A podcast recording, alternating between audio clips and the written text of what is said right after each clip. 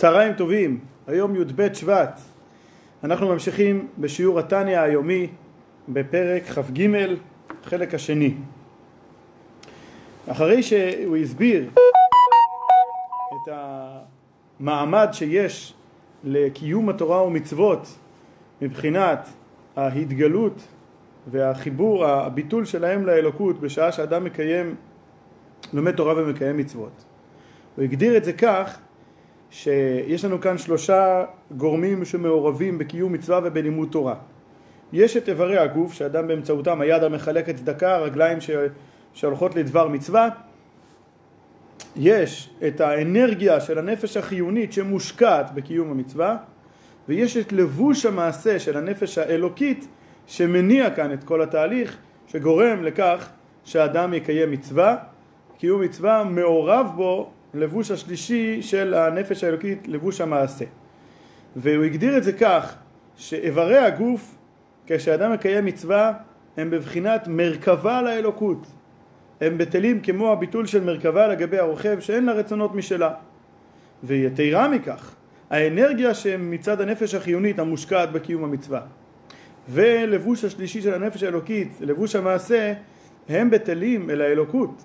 בקיום, בקיום תורה ומצוות לא רק ברמה של מרכבה לגבי הרוכב, אלא כמו הביטול של גוף לנשמה, שהביטול של הגוף לנפש הוא כזה, כמו שאמרנו, שברגע שהנפש רוצה להזיז את היד, היד זזה מאליה, מכיוון שהנפש מתאחדת עם הגוף, הגוף בטל עליה לגמרי, לגמרי. אגב, מה, מה הסימן בגוף האדם כשיש חלילה איבר שהוא לא בריא? כשהאיבר הזה מרגיש את עצמו, כשחלילה כשיש כאב, אז זה אומר שמשהו לא בריא, כי גוף בריא זה גוף שלא חשים בו, איבר בריא זה איבר שלא נרגש כמציאות אינדיבידואלית, אלא הוא בהרמוניה מלאה בביטול אל המקור, אל הנפש. וזה התוצאה, זאת התוצאה שמת, שמתקיימת בשעת קיום מצווה, ובהקשר הזה הוא דיבר גם על המוח המהרהר בדברי תורה, ועל הפה והלשון המדברים בדברי תורה, שהם, זה בעצם איברי הגוף, כפי שהם מושפעים מלימוד התורה, מה המצב, לאיזה מצב הם מגיעים, גם כן מצב של מרכבה, המוח המערער בדברי תורה. הפה והלשון המדברים בדברי תורה הם נעשים כמרכבה, מרכבה לאלוקות.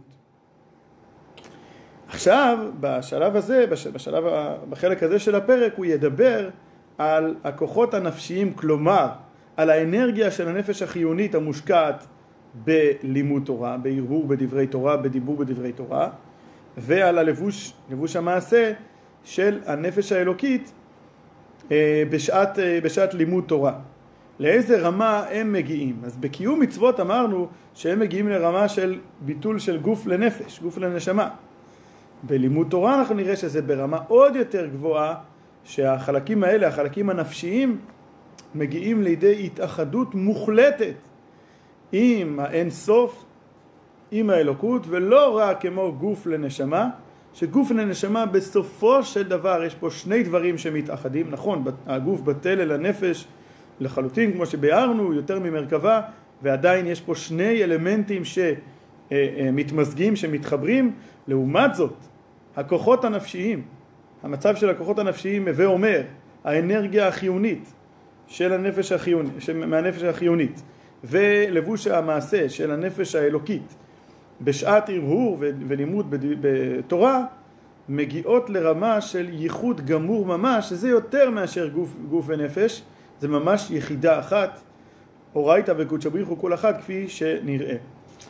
אה, אגב, נאמר שנשאלתי כאן שאם אנחנו אומרים שהמצוות הם כמו איברי המלך, וברגע שהנפש רוצה אז, ה, אז האיברים זזים כפי, כפי שהיא רוצה. ואז נשאלתי אם ככה אז למה רק אה, למה לקח כל כך הרבה זמן מבריאת העולם ועד שהתחילו להתקיים מצוות בעולם אם זה רצון השם? והמצוות המצוות הן איברים של המלך היה צריך להתקיים מיד. והאמת שחלק מהמצוות התקיימו מיד על ידי האדם הראשון על ידי האבות שקיימו את כל התורה כולה. אבל אה, באופן גורף רצון השם היה שהמצוות והתורה יתחילו להתקיים במלואן ממתן תורה והלאה. זה היה רצונו, ולכן זה מתחיל מאז, ועדיין וזה עניין אחר, יש בחירה לאדם, בן אדם יכול חלילה לבחור לא לקיים. יחד עם זאת, הרצון, המצוות, הם אה, כאיברי המלך, כפי שביארנו. אני מתחיל לקרוא את השיעור של...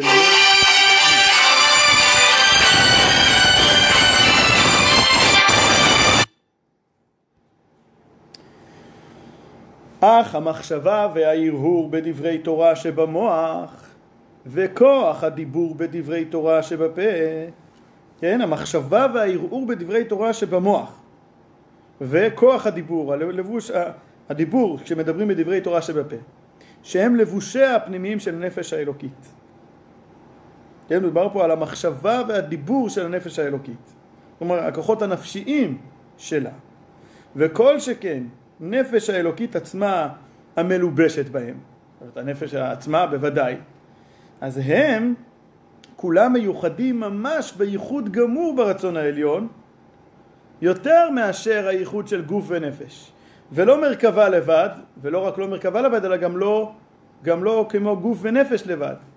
אז למה הוא אומר כאן ולא מרכבה לבד? הוא רוצה לומר שבפועל, כשאדם מדבר בדברי תורה, אז, אז החלקים המעשיים, האיברים שלו, כאילו הפה שמדבר בדברי תורה, הוא מאוחד עם האלוקות בלימוד תורה, גם בלימוד תורה, ברמה של מרכבה, לא יותר מזה. אבל באותו זמן יש אצל האדם לא רק כמרכבה לבד, שזה מצד האיברים שמדברים בדברי תורה, אלא מצד הכוחות הנפשיים, כוח הדיבור וכוח, כן, ולבוש המחשבה, מצידם יש התאחדות יותר, הרבה הרבה יותר, גם יותר מגוף ונפש. ולא מרכבה לבד, כי רצון העליון הוא-הוא הדבר הלכה עצמה שמערער ומדבר בה. שכל ההלכות הן פרטי המשכות פנימיות רצון העליון עצמו. שכך עלה ברצונו יתברך, שדבר זה מותר או כשר או פטור או זכאי או להפך. כלומר, בשונה מקיום המצוות, בקיום המצוות אז יש את רצון השם, רצון השם שנניח תפילין, ויש את המעשה הפיזי שאני עושה שאני מניח תפילין. באמצעות זה שאני מניח את התפילין אני מקיים את רצונו. ועדיין יש פה שני דברים. התפילין הם לא רצון השם. להניח את התפילין זה קיום, זה מילוי הרצון שלו. לעומת זאת, כשאני מערער בדברי תורה, כשאני לומד תורה, אז כעת אני ממש ממש ממש מכיל בתוכי ומעביר במוח שלי את רצון השם עצמו. כשאני מניח את התפילין על היד, התפילין על היד הם לא רצון השם. כי אה, אה, כשאני מניח אותם אני ממלא את רצונו. לעומת זאת כשאני מהרהר בדברי תורה אז ההרהור, הסברה שאני לומד היא רצון, רצון העליון עצמו. שעלה ברצ... שכך עלה ברצונו יתברך, שדבר זה מותר או כשר או פטור או זכאי או להפך. וכן כל, לא רק בהלכות, כל צירופי אותיות תורה נביאים כתובים הן המשכת רצונו וחוכמתו המיוחדות באינסוף ברוך הוא בתכלית הייחוד. זאת אומרת, מכיוון שמדובר על רצונו וחוכמתו, ומדובר על הקדוש ברוך הוא, שאצלו הכל אחדות פשוטה, כפי שהזכרנו בפרקים אה, ד' וה', שהוא המדע והוא היודע, אצלו זה הכל מאוחד, ולכן כאשר אני מהרהר בדבר תורה, והדבר תורה הזה הוא בעצמו, ההיגיון הזה, ההיגיון של מה שאני לומד עכשיו, זה ההיגיון האלוקי. ההיגיון האלוקי זה הוא בעצמו. וכן כל צירופי אותיות תורה נביאים כתובים הן המשכת רצונו וחוכמתו המיוחדות באינסוף ברוך הוא בתכלית הייחוד שהוא היודע והוא המדע כולי. וזהו שכתוב דאורייתא וקודשא בריחו כול אחד. שהתורה והקדוש ברוך הוא הם דבר אחד ממש ייחוד גמור ולא איברים דמלכא לחוד.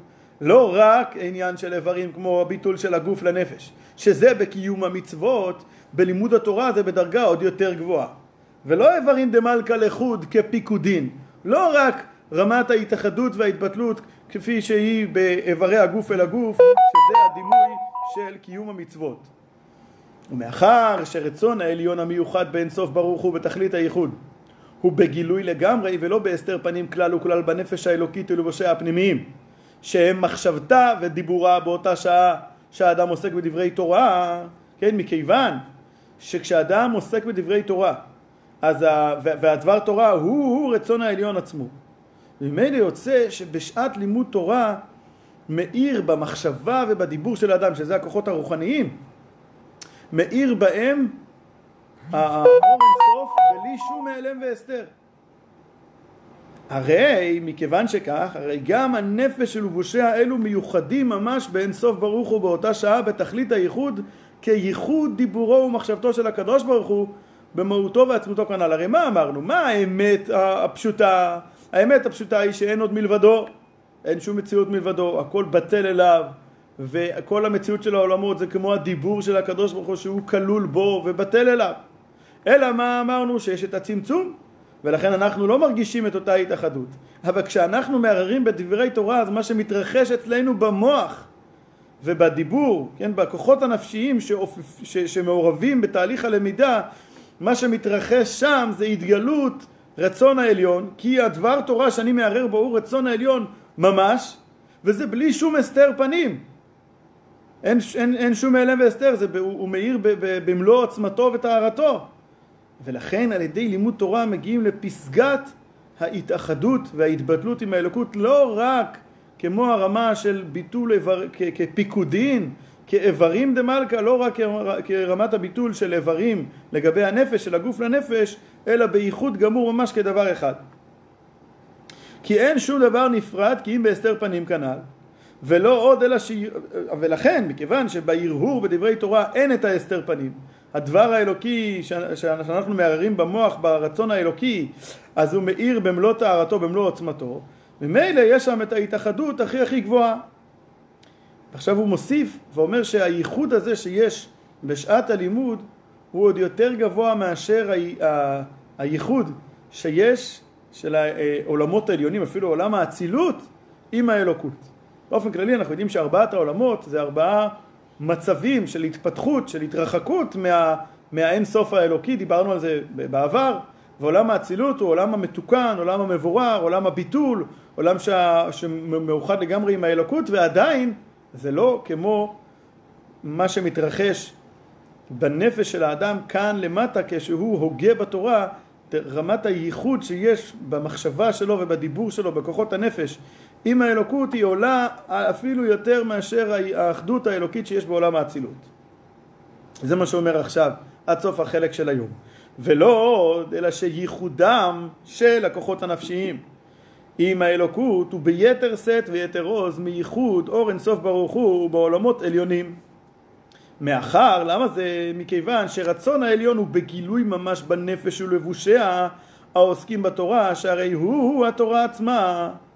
וכל העולמות העליונים, אנחנו מדברים אפילו על עולם האצילות, איך, איך שמה מתרחש הקשר עם האלוקות, דרך מה זה עובר? אז הוא אומר, וכל העולמות העליונים מקבלים חיותם מאור וחיות הנמשך מהתורה, שהיא רצונו וחוכמתו יתברך, כי דכתיב כולם בחוכמה עשית.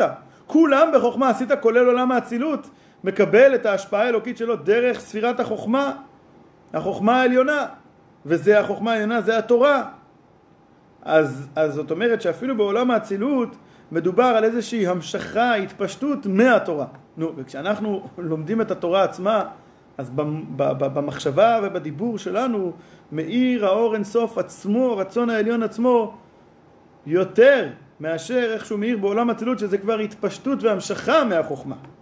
ואם כן, החוכמה שהיא התורה למעלה מכולם והיא רצונו יתברך, הנקרא סובב כל עלמין, כלומר האור האלוקי שהוא למעלה, מעל ומעבר למגבלות של המקבלים של העולמות, שהיא מבחינת מה שאינו יכול להתלבש בתוך עלמין, רק מחיה ומאיר למעלה בבחינת מקיף. זאת אומרת, האור האלוקי הזה שמונח בתורה הוא למעלה מהתלבשות בעולמות, ולכן באיזה צורה הוא מאיר בעולמות? בצורה של מקיף. הוא לא חודר בהם בפנימיות. אם הוא היה חודר בהם בפנימיות, הם היו מתבטלים ממציאותם. ויכול להיות רק כמו מרחף עליהם מלמעלה, עופף אותם מלמעלה. והאור המקיף הנעלה הזה, האור הסובב הזה, הוא שורה ומאיר ומתגלה בנפש בשעת לימודה בתורה. אז האור הזה, מה שאינו יכול להתלבש בתוך עלמין, רק מחיה ומאיר למעלה בבחינת מקיף, והיא היא המתלבשת בנפש של לבושיה בבחינת גילוי ממש כשעוסקים בדברי תורה. טוב, אז נגיד בסדר, הכל טוב ויפה, זה הכל נכון, אבל אנחנו הרי לא מרגישים את זה. אנחנו לא חשים, ב, ב, אנחנו אומרים כאן כעת קביעה מאוד מאוד מאוד דרמטית. האם אנחנו מרגישים ככה כשאנחנו לומדים תורה?